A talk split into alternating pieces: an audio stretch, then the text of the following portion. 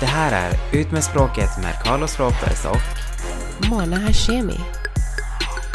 Hej, hej, hej Carlos! Hej! Here we are again. Nu är det dags för avsnitt nummer två. Är du redo? I'm so excited! Ja, absolut. Alltså, det Så hur har din vecka varit? att- Ehm, wow, du gick direkt in på Jag är veckan. så redo. Ehm, alltså min vecka, vet du vad? Jag har Mm. faktiskt varit on and off sjuk, för det vet du sen vi, alltså vi har pratat tidigare. Blev Ja. sjuk lite smått en vecka, blev lite okej en vecka, började träna och sen såklart sjuk igen. Ehm, så veckan har väl varit lite slow, men jag har gjort Alltså jag har hunnit med en massa ärenden fastän jag har varit sjuk och jobb och lite sådär hit och dit. Men eh, ja, den har varit lite sådär tråkig måste jag säga. Vad själv då? Har du haft något kul på gång? Jag kom faktiskt precis hem innanför dörren nu från, jag var och kollade på Blue Planet 2 live Mhm. in concert. Det är typ så här en naturfilm samtidigt som det är typ en liveorkest som spelar musiken till själva filmen. Och jag har Oh. egentligen aldrig varit så insatt i typ havet. Jag tycker typ maneter och fiskar och allt sånt där tycker jag är svinäckligt. Men eh, alltså snuskigt typ så här bara ta på eller bara se typ. Jag klarar inte av det. Men, eh, men jag utmanade mig själv och jag kom därifrån faktiskt och har lärt mig en hel del om vår planet måste jag säga. Vilket är lite alarmerande för att jag tycker att det har gått lite för långt liksom. Vi har, vi har egentligen en stor kris och nu när man ser på riktigt vad det ger för effekter allting vi gör så ja, får jag lite dåligt samvete faktiskt, det måste jag erkänna. Men samtidigt så fick det mig också att tänka på, okej men jag kan ju faktiskt göra någonting. Jag kan ju faktiskt välja och inte använda en massa engångsartiklar hela tiden. Jag behöver liksom inte när jag ska ut, om jag tar med mig en matlåda till exempel till jobbet. Jag kan fortfarande ta med mig faktiskt en gaffel hemifrån och använda den. Jag behöver inte använda plastgafflar till exempel. Så man kan ju ändå göra alltid faktiskt någonting litet. Och det jag tyckte var häftigt, det var faktiskt att BBC fick ju så bra respons efter den här dokumentären Blue Planet. Så när de väl, var, när de väl hade gjort den så ändrades den kommer ju från Storbritannien, så deras sätt att tänka ändrades helt och det fick så bra respons så till och med BBC, som är en vä- väldigt stor kanal i Storbritannien och även i världen egentligen, fick som uppgift att de skulle ta bort alla engångsartiklar och de började 2017, jag tror att de ska vara klara nästa år med att göra massa förändringar just för världen. Så nej, jag tyckte det var ja, men det är jättebra. jättebra. Alltså plast är ju så dåligt. Så det är ju självklart, alltså jag har ju, um, oh, men det här blir lite sådär min uh, goda gärning, för det här har jag börjat med nyligen, att um, när jag hämtar kaffe där jag bor så har vi sina clubhouse och då får man ju uh, te och kaffe och allt sånt där gratis. Och eh, brukade alltid ta en så här plast, alltså en pappersmugg och sådär varje gång en, ny då med själva locket och, och allt det där. Men nu så köpte jag en sån ehm, mugg från Starbucks så nu tar jag med mig den varje morgon och fyller på och går hem och tvättar den. För varför ska jag slösa en mugg om dagen? Alltså det är helt sjukt. Det kostar dem pengar och det, alltså det är helt onödigt. Uh, and besides my cup is much cuter. Så ja, så det var väl en liten sån här halvgod gärning känner jag. Ja, det var verkligen en awakening för mig också. Som sagt, jag har inte alls varit insatt tidigare. Jag har lärt mig mycket idag. Jag har lärt mig mycket. Så jag ska försöka bli en bättre person just när jag tänker på miljön i alla fall. Så ska jag faktiskt göra mitt bästa.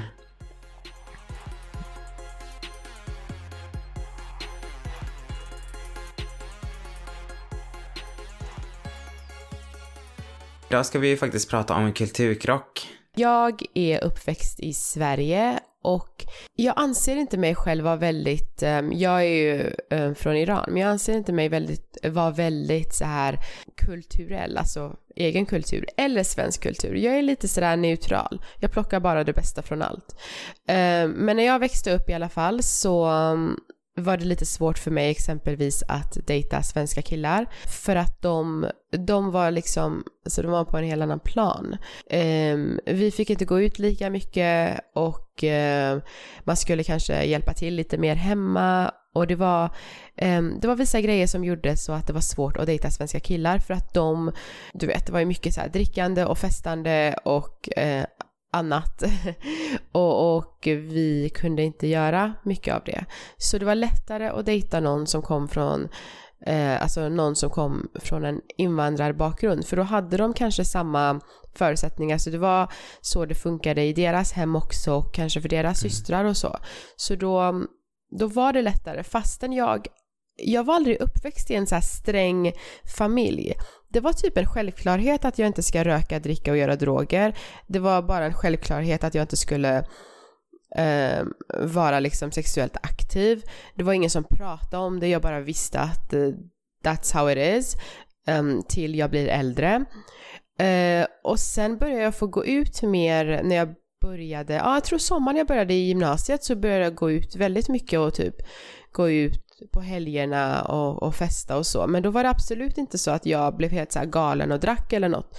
Eh, men innan det så, så var det lite strängt eh, när det kom till vilken tid man skulle komma hem. Och det var ju mer bara för att min pappa var väldigt så här orolig så han eh, ja, så jag hade lite strängt eh, angående tiden jag skulle komma hem. Men inte vart jag är och vad jag gör, för det var ingen som frågade riktigt.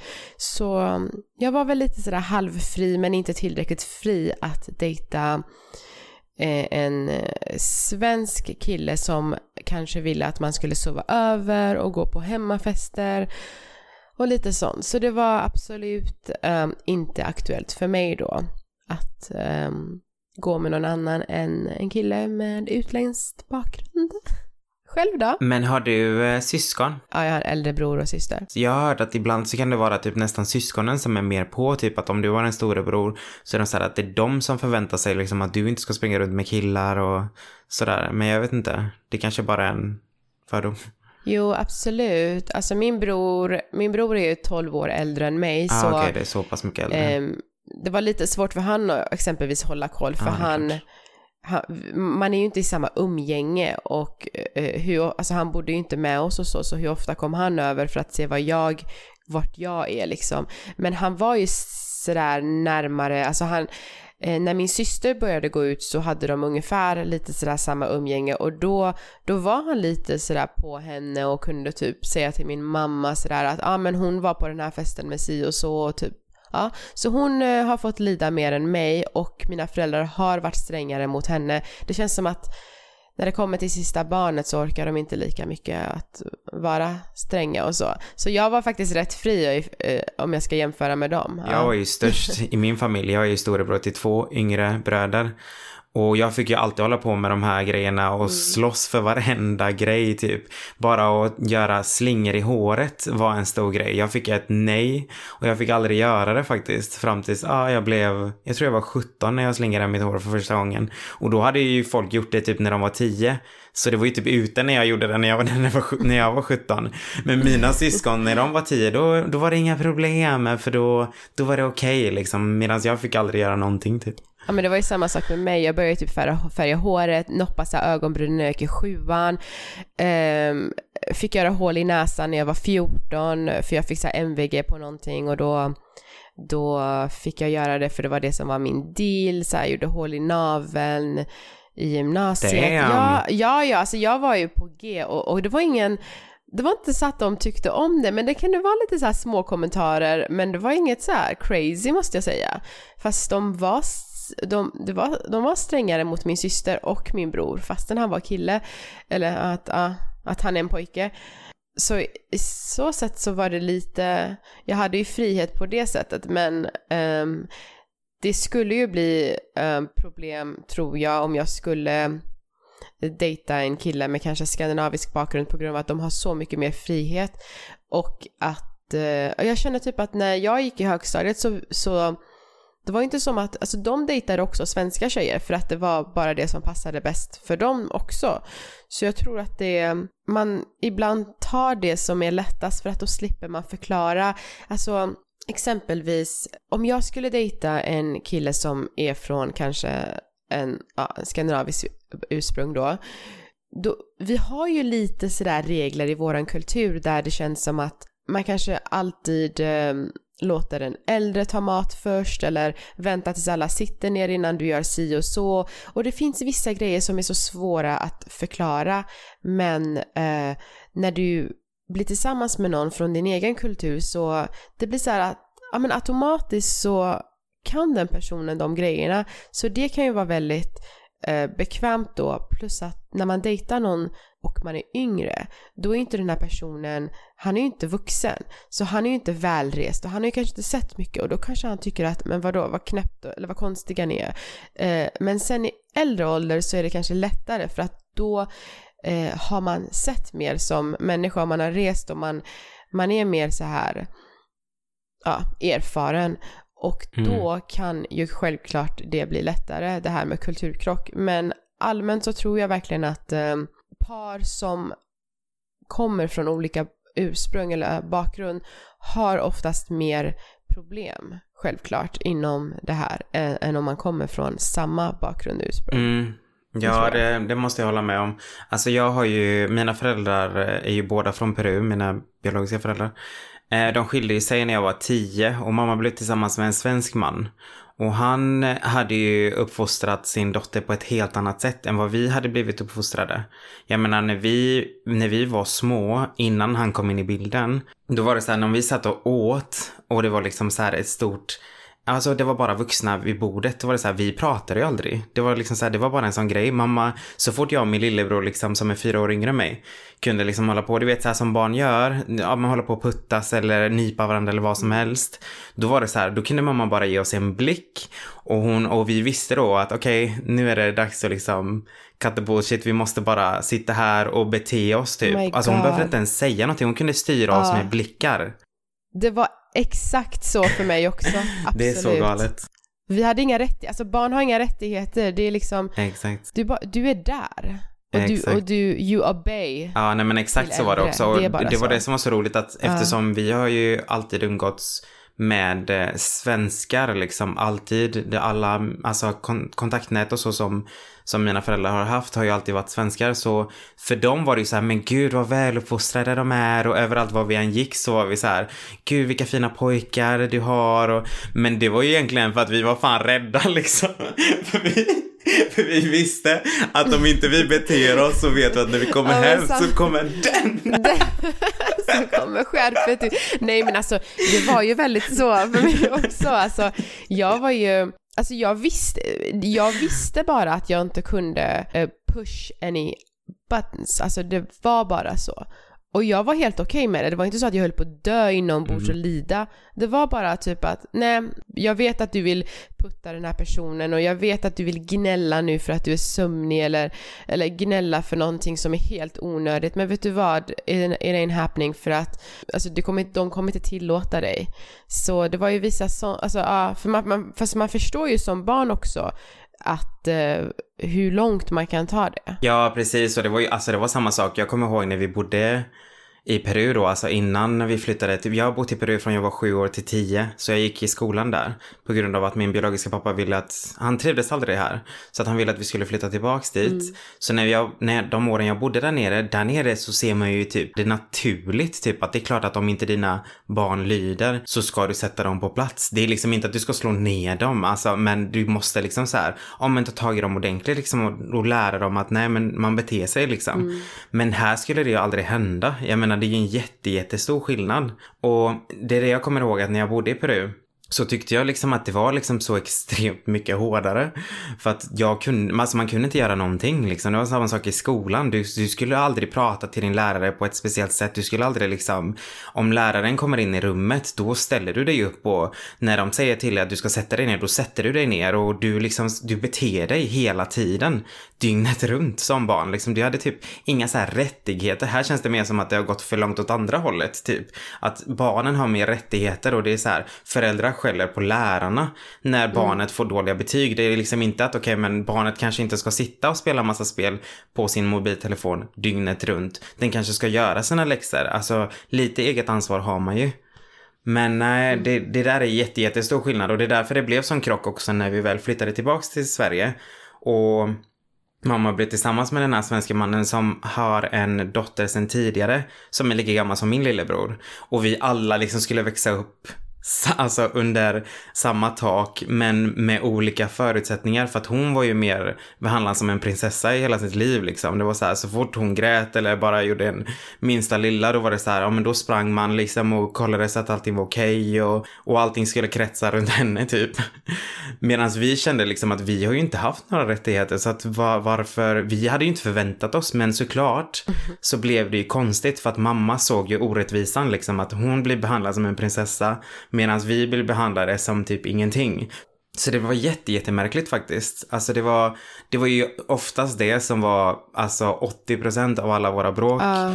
hemma var ju just på grund av det här att det var alldeles för mycket krock liksom. Mm.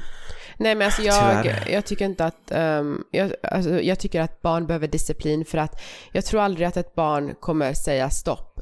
De kommer ta det så långt de kan ta det.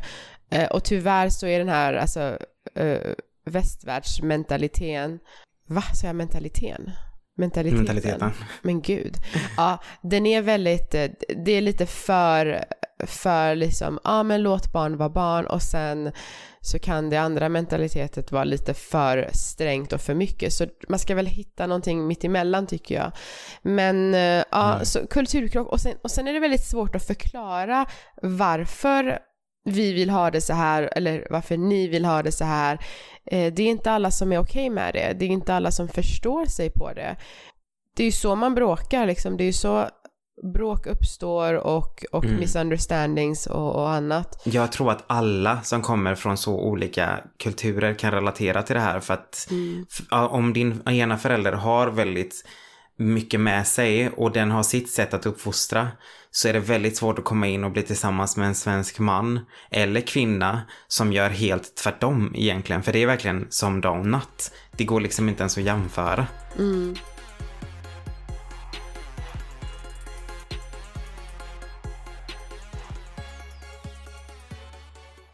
Alltså den här perioden som jag har varit i LA eh, så har jag ju ändå umgås och träffat eh, många med, med min egen ut, ursprung här i USA då.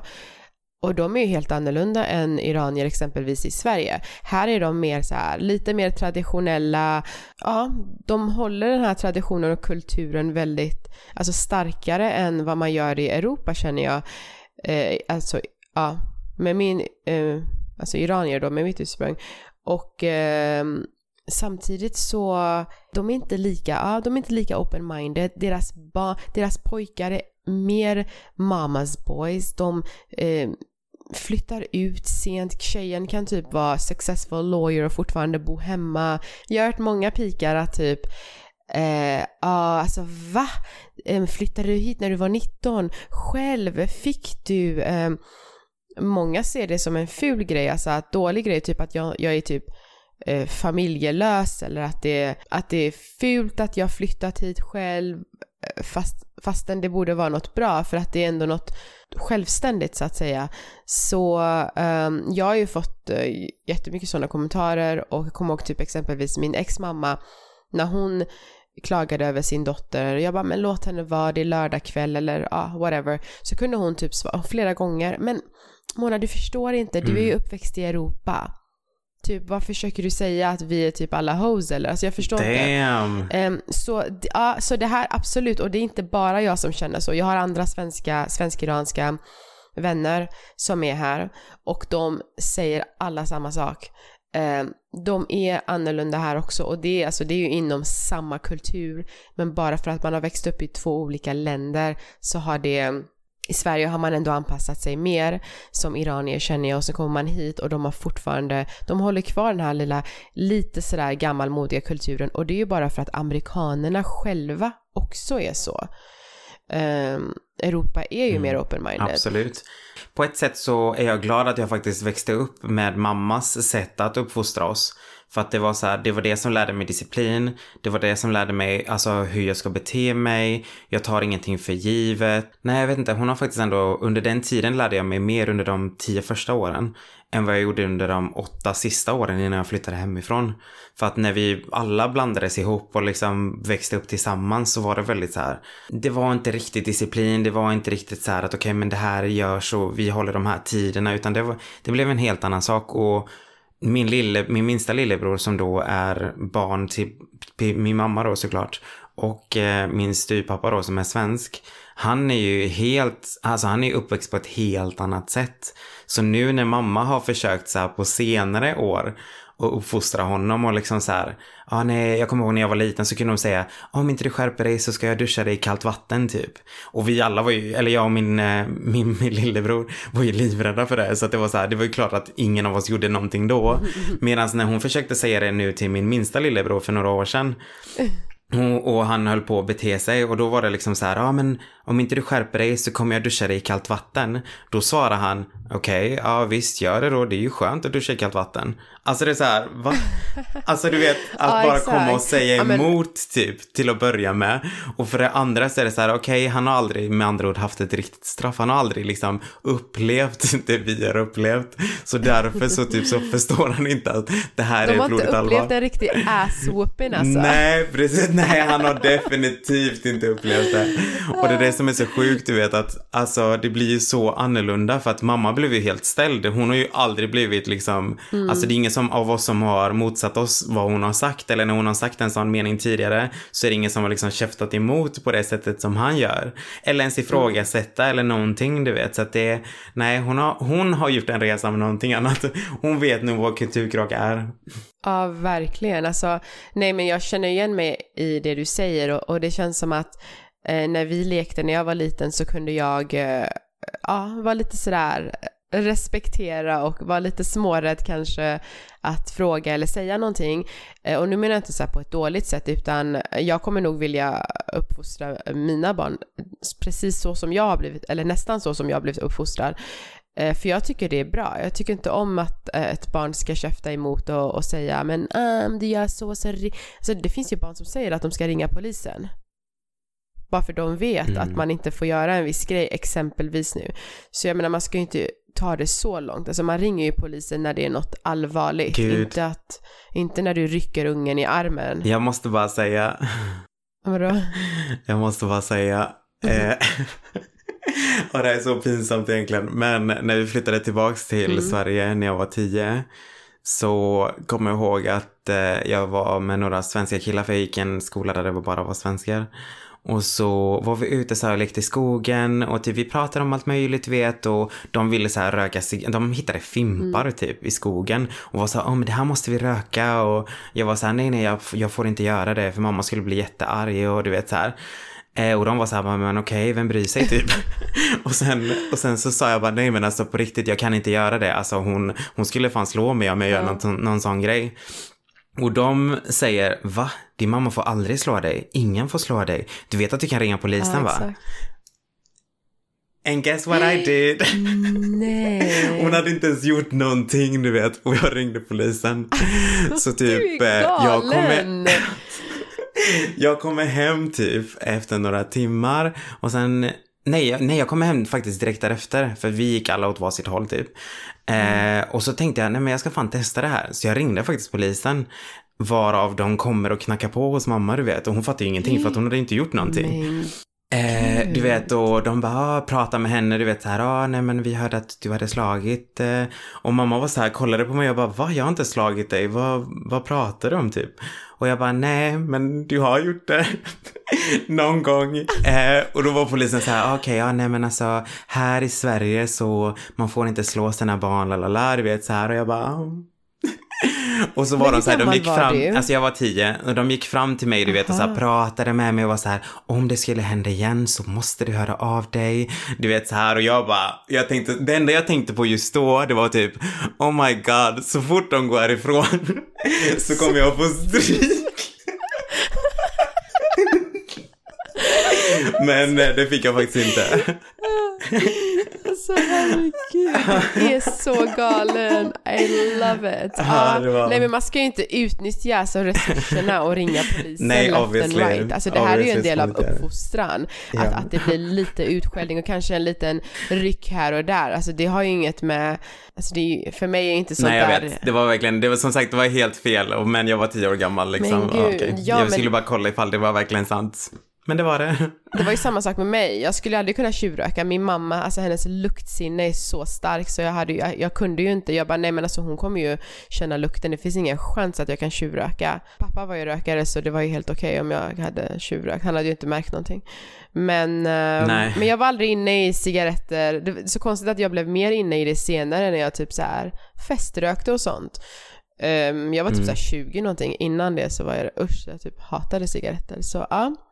Så det var ju, det är våran lilla kulturkrockshistoria uh, ja, det, men, um, men jag känner nu att, vet du vad? Jag känner inte ens att jag bär med mig så mycket av min kultur till någon, alltså till någon annan.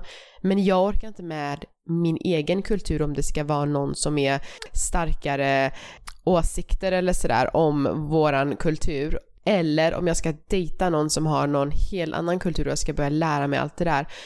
Uh, jag orkar inte alls med det så jag är helt så här, mer öppen till lite mer lagom kulturlös um, kille som... Bara neutralt. Som inte, typ. Ja, väldigt neutral. Där jag kanske har vissa grejer i min kultur som jag tycker är helt...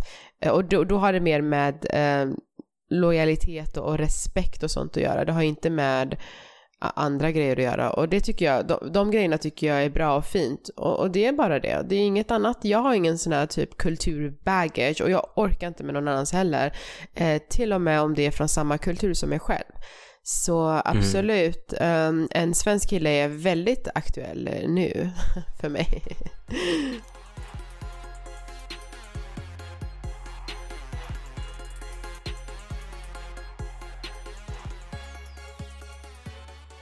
Men eh, vet du vad, jag tror inte vi gick igenom din, eh, om du har haft, om du har gjort någon så här god gärning denna veckan. Alltså min goda gärning är faktiskt just att jag kommer att göra en god gärning nu framöver. Att jag faktiskt kommer att tänka på att inte ta engångsartiklar. Jag kommer liksom, jag kommer faktiskt verkligen att försöka och tänka på precis allting jag gör just ur den synpunkten. Nu säger jag inte att jag kommer typ bli vegetarian eller att jag kommer gå ut och typ så här mata kossor och sånt. Det kommer inte hända. Men jag kan säga att det är det som jag gör i vardagen. Det vill säga de här grejerna som jag faktiskt använder. Precis som du sa, muggar och allting. Mm. Det, det kan jag faktiskt göra någonting ut. Alltså jag har inga problem. Är det så att jag vill dricka vatten, jag ställer mig bara under kranen och bara tar den direkt i munnen. That's no problem. jag behöver inte den där koppen så uh.